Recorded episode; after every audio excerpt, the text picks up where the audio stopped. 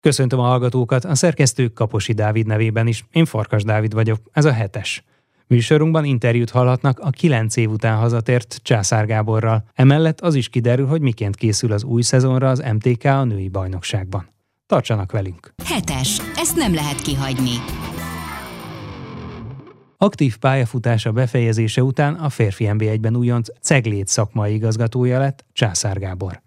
A kétszeres olimpiai negyedik helyezett irányító kilenc évnyi légióskodás után tért haza. Reméli, hogy most sportvezetőként is eredményesen tud majd dolgozni. Elég összetett dolog. Egy nagy projektnek az elején járunk, hiszen kitűztünk egy három éves célt, amire a harmadik évre szeretnénk egy stabilitást mind szakmai, mind pedig mindenféle szempontból elérni itt a klubnál. Ennek az útnak az legelején vagyunk tulajdonképpen, ahol nagyon sokat kell még dolgozni. Az én feladatom pedig azért összetett, mert itt egy kicsit úgy minden, mindennel kell majd foglalkozni foglalkoznom, mind a szakmával, mind pedig itt a financiális háttérnek a stabilitásával, megerősítésével. Ez egy nagyon összetett dolog lesz, és most elindult a bajnokság, az első mérkőzésen túl vagyunk, de, de itt, itt, itt azért ebben a klubban rengeteg gyerek van, 350 gyerek körül vagyunk, úgyhogy itt, itt, itt, itt rengeteget lehet dolgozni, és rengeteget lehet azért tenni, hogy Szegléd és környékén ez a csapat egy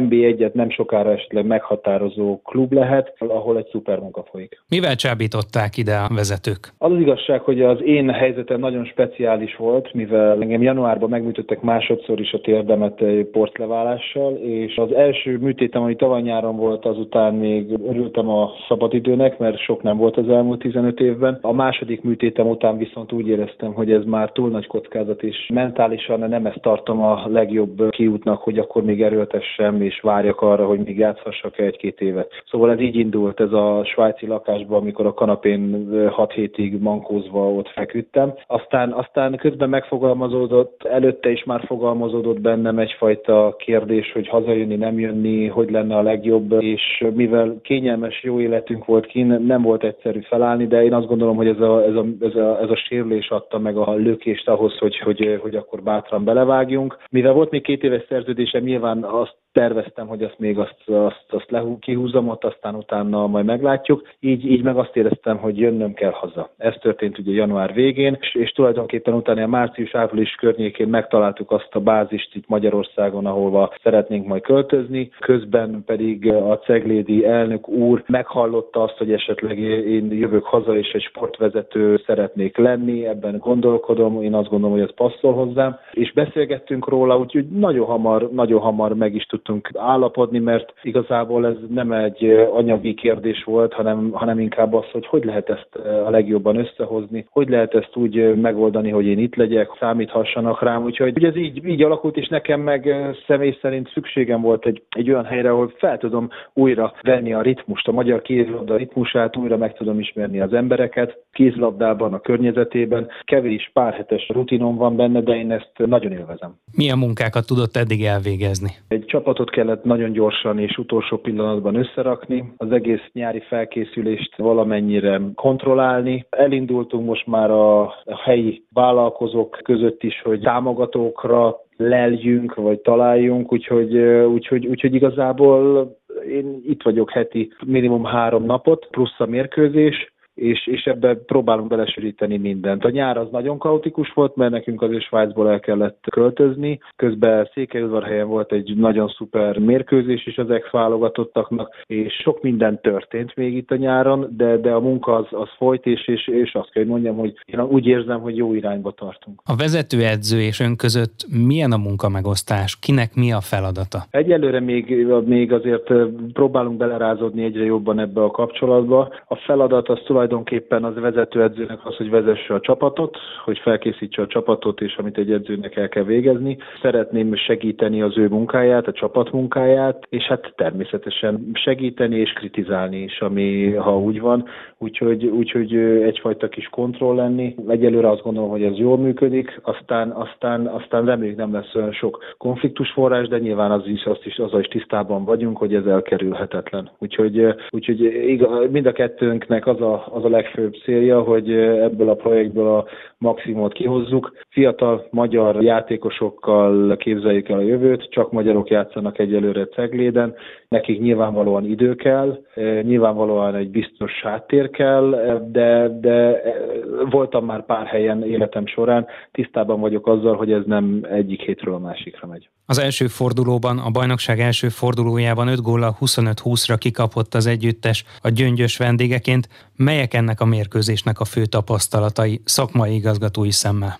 Hát szakmai igazgatói szemmel elég sok, amit úgy a rádióban is megoszthatok. Van fantázia a csapatban. Az első félidő az, az, az nagyon döcögősre sikerült, az mínusz 6 volt, kevés gólt született a mérkőzésen, de az, hogy az 50. percben döntetlen volt gyöngyösön egy újjáépülő cegléd a tavalyi hatodik gyöngyös ellen, ez egy elképesztően nagy bók a mi csapatunk részére, viszont azt is látnunk kellett, hogy ott a végén még hiányzott az, hogy, hogy, hogy egy ilyen helyzetet kihasználjon a cegléd, ez az új csapat, hogy meg is tudjon nyerni egy-két pontot egy ilyen csapat ellen, egy ilyen jó klub ellen, úgyhogy, úgyhogy van még hova fejlődni. Aztán még volt egy jó pár apróság, de azzal én nem mutatnék senkit. Ami a saját esetleges játékát illeti, mennyire gondolkodik a visszatérésben, akár abban, hogyha az egészségi állapota, illetve a rehabilitáció utáni időszak engedi, akkor ebben az együttesben térjen vissza? Azt gondolom, hogy ha már itt vagyok sportigazgató, akkor nyilván én mindent el szeretnék követni, hogy ezen a klubban segítsek, de ez a legutolsó lesz a játékom őszintén szólva. Szóval én elég sokat mentem azért, hogy még jobb legyek, és többet tanuljak, és fejleszem magam, és nem voltam best külföldre is elmenni, azért, hogy még nyelveket is hozzácsapjak, hogy, hogy, hogy átlássam, hogy esetleg máshol hogy működik a munka,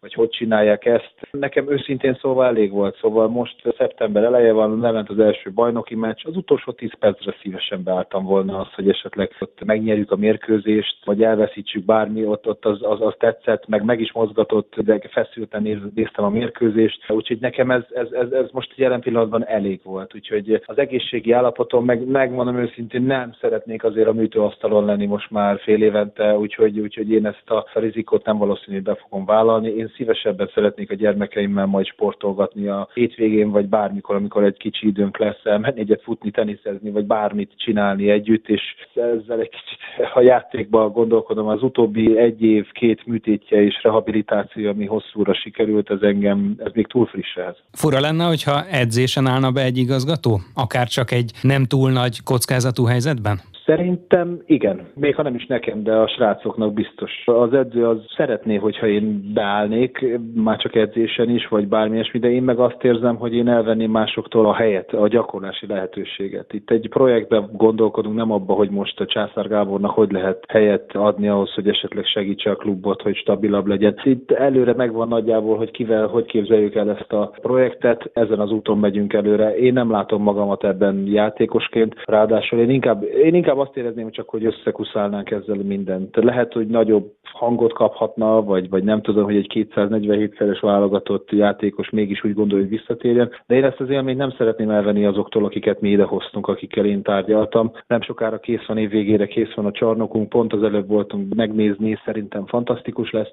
úgyhogy nagyon reméljük, hogy, hogy ezt majd minden mérkőzésen majd meg tudjuk tölteni. Én szívesebben idegeskedek majd a lelátóról, aztán, aztán ezt a részt meghagyom a játékosunknak. Mivel lenne elég elégedett a szezon végére? Azzal lennék elégedett a szezon végére, hogyha elmondhatnánk magunkról azt, hogy ez a három éves projekt ez megvan a háttérben a pénzügyi stabil háttér, megvan az az alap a magyar fiatalokból, akikre, akikre építhetünk. Aztán, hogy ez azt jelenti, hogy NB1B-be leszünk jövőre, és akkor onnan vissza kell harcoljuk magunkat, ki kell harcolunk újra a tagságot, az engem kevésbé érdekel őszintén szólva. Ha ezt tudjuk csinálni, akkor én, minden, én biztos vagyok benne, hogy ez tud működni majd ez így ez a rendszer. Ezért is vagyok itt, és ezért nagyon pozitívan állunk ehhez a, ehhez a stratégiánkhoz, amit felvázoltam. Bízom benne, hogy lesz elég erőnk ahhoz, hogy ezt, ezt véghez is vigyük. És a három éves időszak végére mi a legfontosabb cél? Igazából mi, én a gyerekekben hiszünk a legjobban, az utánpótlásban, a környékben. Szerintem, szerintem az a legjobb, amit egy tehet egy sportklub. Ehhez mi, mi úgy látjuk, hogy szükség van egy, egy, egyfajta kirakat csapathoz, egy NB1-es csapathoz, hogy lássák ezek a fiatalok, hogy hova juthatnak el, hogy lássák azt, hogy ha, ha amikor egy Telekom Veszprém, vagy egy Pixeged, vagy bárki jön ide Ceglédre, hogy még onnan hova lehet eljutni, és utána a tévébe pedig azt látják, hogy Jézusom, hát micsoda szuper csapatok vannak még ott Párizsban, meg máshol. Úgyhogy, úgyhogy a példa az mindenképp kell, viszont én azt gondolom ezért a példáért az NB1-es cél az az, hogy, vagy hát a felnőtt csapatnak a célja az, hogy a harmadik évre egy stabil NB1-es tagságot szerezzünk, ez az, hogy ne a ceglédről beszélnek úgy, hogy kieső jelölt a másik két-három csapat mellett. Az utánpótlásból pedig olyan szakembereket, olyan képzést, olyan munkát végezni, ami minden gyereknek egy olyan meghívó, hogy kézlabdázni akar, tenni, sportolni, tanulni és jobb lenni. Azt hiszem, hogy ez, ez egy nagyon nemes és szép cél. Bár bőségesen beszélt arról, hogy milyen feladatai vannak ebben az időszakban, de gondolom azért követi a többi klub szereplését, illetve akár a Veszprém, akár a Szeged nemzetközi mérkőzéseire is mindenképpen kíváncsi. Mit vár a legjobb magyar csapatoktól ebben az új szezonban? Hát az igazság, hogy úgy néz ki, hogy még eléggé közelről fogom majd követni a, a mérkőzéseket. Amit én várok, tartozzon, én azt kívánom, hogy mind a két csapat tartozzon a legjobb nyolc közé a világon. Szóval egy, egy, egy negyed döntőt kívánok én mind a kettőnek, mind a két csapatnak. Ott meg már ezen a szinten azt kell, hogy mondjam, hogy itt a sérülések, betegségek, bármilyen problémák, ezek már, ezek már nagyon befolyásolják a, a csapatnak az eredményességét. Most jelen pillanatban nem azt érzem, hogy a BLS-esként kell emlegetni a Veszprémet, a Szeged megnyerte a bajnokságot, úgyhogy a BLB viszont nem tudott maradandót alkotni, vagy hát előrébb lépni, mint a megszokott, az utóbbi években megszokott. Én ezt várom tőlük. Én a Szegedtől azt várom őszintén szóva, hogy ők egy kicsit előrébb lesznek idén. A Veszprémben meg mindig ott van a meglepetés, és tavaly se várták azt hiszem a Final Four-ba sokan már a Veszprémet, mégis, mégis meg tudták csípni. Azt gondolom, hogy ez egy szuper dolog, hogy két ilyen csapat van Magyarországon. Mi csak álmodozunk arról, hogy egy ilyen projektet is majd esetleg valakinek el lehet csípni, de igen, hát bízom benne, pozitívan állok ehhez, hogy, hogy sikeresek lesznek. 247-szeres válogatott hogyan tekint a jelenlegi utódokra, akiknek a hazai rendezésű EB nem sikerült, de szűk két év hátra van a Párizsi olimpiáig, és van esélye volt a megszerzésére? Abszolút van esély. Én azt gondolom, hogy ez ugyanaz kicsit, mint a mint a klub életben most, hogy szerintem ennek a csapatnak abszolút van helye a világ legjobb nyolc csapatában. Nem mondanám azt, hogy ott az élmezőnyben van, ott azért a francia, dán, spanyolok, ők mindig sokkal, meg egy, még egy skandináv esetleg, vagy valakik meglepetésre azok az az első három-négy helyet, azt úgy már mostanában szinte le is foglalták, kibérelték ezt a helyet viszont utána azt mondom, hogy a 4-8 közé az abszolút, és ez egy olimpián, meg aztán, aztán, aztán egy óriási dolog lenne. Én voltam két olimpián, 2004-ben még Aténban, 12-ben Londonban, és személyesen elmondhatom azt, hogy, hogy mai napig azt kérdezgeti mindenki, hogy mi volt ott, meg milyen volt, meg, meg jönnek az emlékek. Az egy fantasztikus sportélmény, azért nagyon sokat kell tenni ennek a válogatottnak, van benne, vannak benne olyan srácok, akik, akik világszínvonalon tulajdonképpen top 3-as játékosok, gondolok itt egy Bánhidi Bencére, rá gondolok leginkább, viszont a csapat jól működik. Ez a, ez a fajta stressz, ami nem tudom, hogy mi volt, ez a sok kicsi apróság, ami miatt ez az Európa-bajnokság nem jött úgy össze. Én azt gondolom, hogy ebből tanulniuk kell, és ezt, ezt a javukra kell fordítani a következő világversenyen, mert benne van ebben a csapatban az az eredmény, hogy kiüssenek olimpiára. Császár Gábort, a Ceglét szakmai igazgatóját hallották. Hetes, az Inforádió kézilabda magazinja. Hetes, ezt nem lehet kihagyni. A legutóbbi szereplés, vagyis a nyolcadik hely megismétlése vagy túlszárnyalása a célja az MTK női csapatának. Jelezte Vida Gergő vezetőedző, aki arról is beszélt, hogy milyen szerepet szán a tehetséges fiataloknak.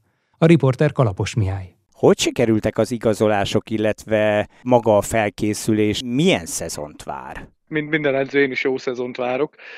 Ugye a igazolások, hogy hogy sikerültek, az majd kiderül ugye a bajnokság közben. Én azt gondolom most, hogy jól sikerültek. Minden posztra azt gondolom, hogy olyan játékost igazoltunk, aki meg tudja oltani azt a feladatot, amit rábízok és elvárok. Ugye a felkészülésünk az nem volt optimális, hiszen több játékosunk sérüléssel bajlódott volt, aki még a tavaly évről hordozott sérülést hozta magával, illetve ugyanúgy, mint másokat minket is Covid betegségek hátráltattak a felkészülésben, de igazából az elmúlt két-három évben ezt már megszoktuk, már ha meg lehet ezt szokni, ugye mindig váratlanul ér az embert, de alkalmazkodtunk a helyzethez, és azt gondolom azt a munkát elvégeztük, amit elterveztem, bár nem vagyunk készen, ugye ez már a hétvégi mérkőzéseken is látszott, bajnoki mérkőzésünkön, hiszen még mindig vannak hiányzóink, illetve azok, akik betegséges sérüléssel bajlottak, nem érték még el azt a formát, ami elvárható lenne ebben az időszakban. Most ugye a Kisvárda elleni vereségre gondolt, de tavaly nyolcadik volt a csapat, és nagyon szoros a középmezőny.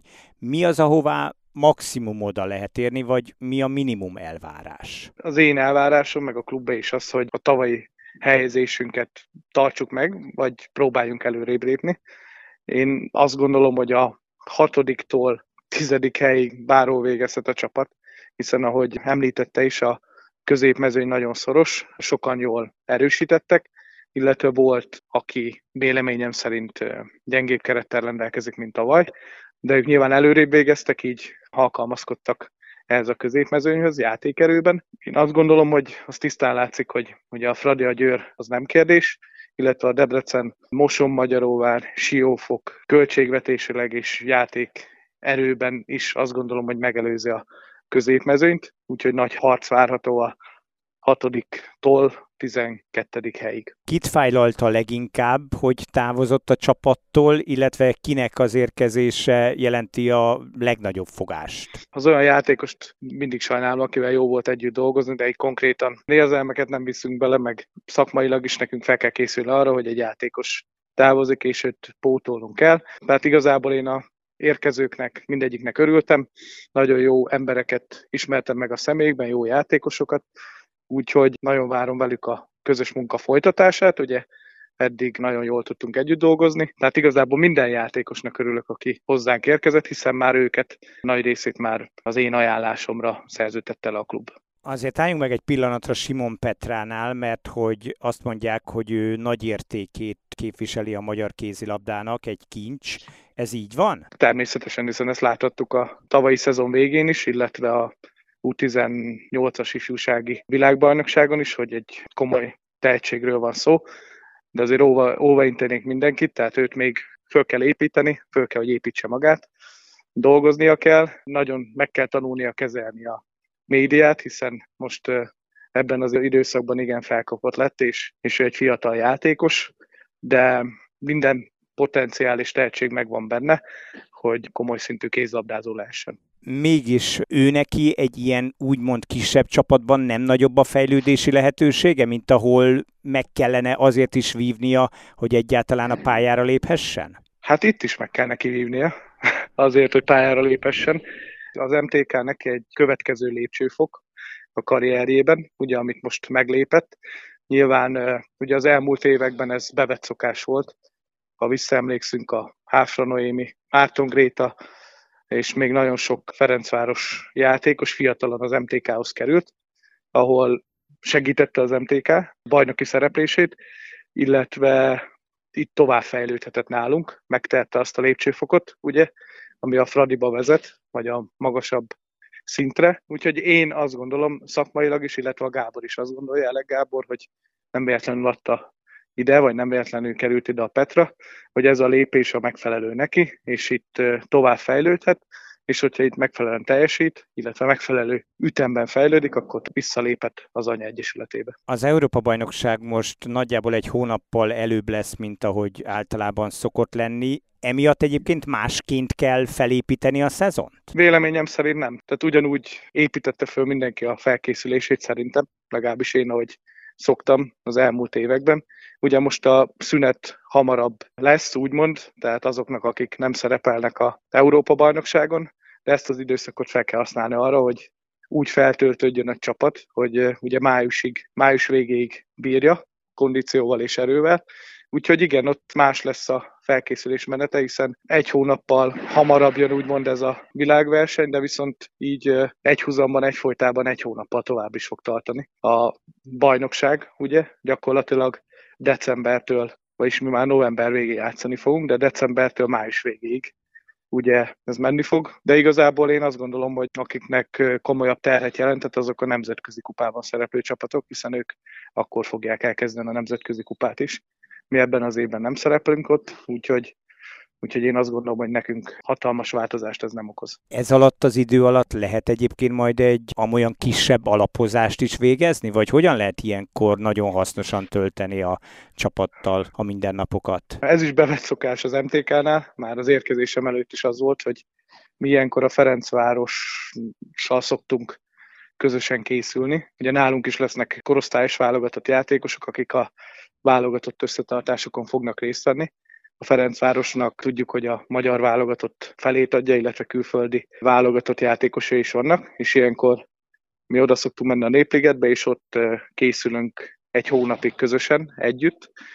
Edzőmeccseket fogunk szervezni ugye erre az időszakra, illetve igen, jól említette, hogy igazából itt egy ilyen mini alapozást kell csinálni. Ahogy már említettem a előző kérdésnél is, hogy ugye most egy olyan időszakra kell felkészíteni a csapatot, ami decembertől májusig tart, és közben már nem igen lesz idő ilyen újabb mini alapozásokra. Lehet MTK játékos az Európa-bajnokságon a válogatottban? Esetleg Pál Tamarát képesnek tartja erre? Hát én bízom benne, hogy lesz. Ugye azt tudni kell, hogy Pál Tamara sérült volt a alapozás alatt, illetve ő is betegséggel küzdött, tehát ő igazából két-három hete kezdett el teljes intenzitással a csapattal edzeni, úgyhogy nem tudom, hogy milyen formában lesz a Európa-bajnokságban. Bízom benne, hogy felkelte a szövetségi kapitány érdeklődését, de ugye ez már az ő kompetenciája, hogy beválogassa vagy nem. Remélem, hogy olyan teljesítményt fog nyújtani, ami felkelti a kapitányunk érdeklődését.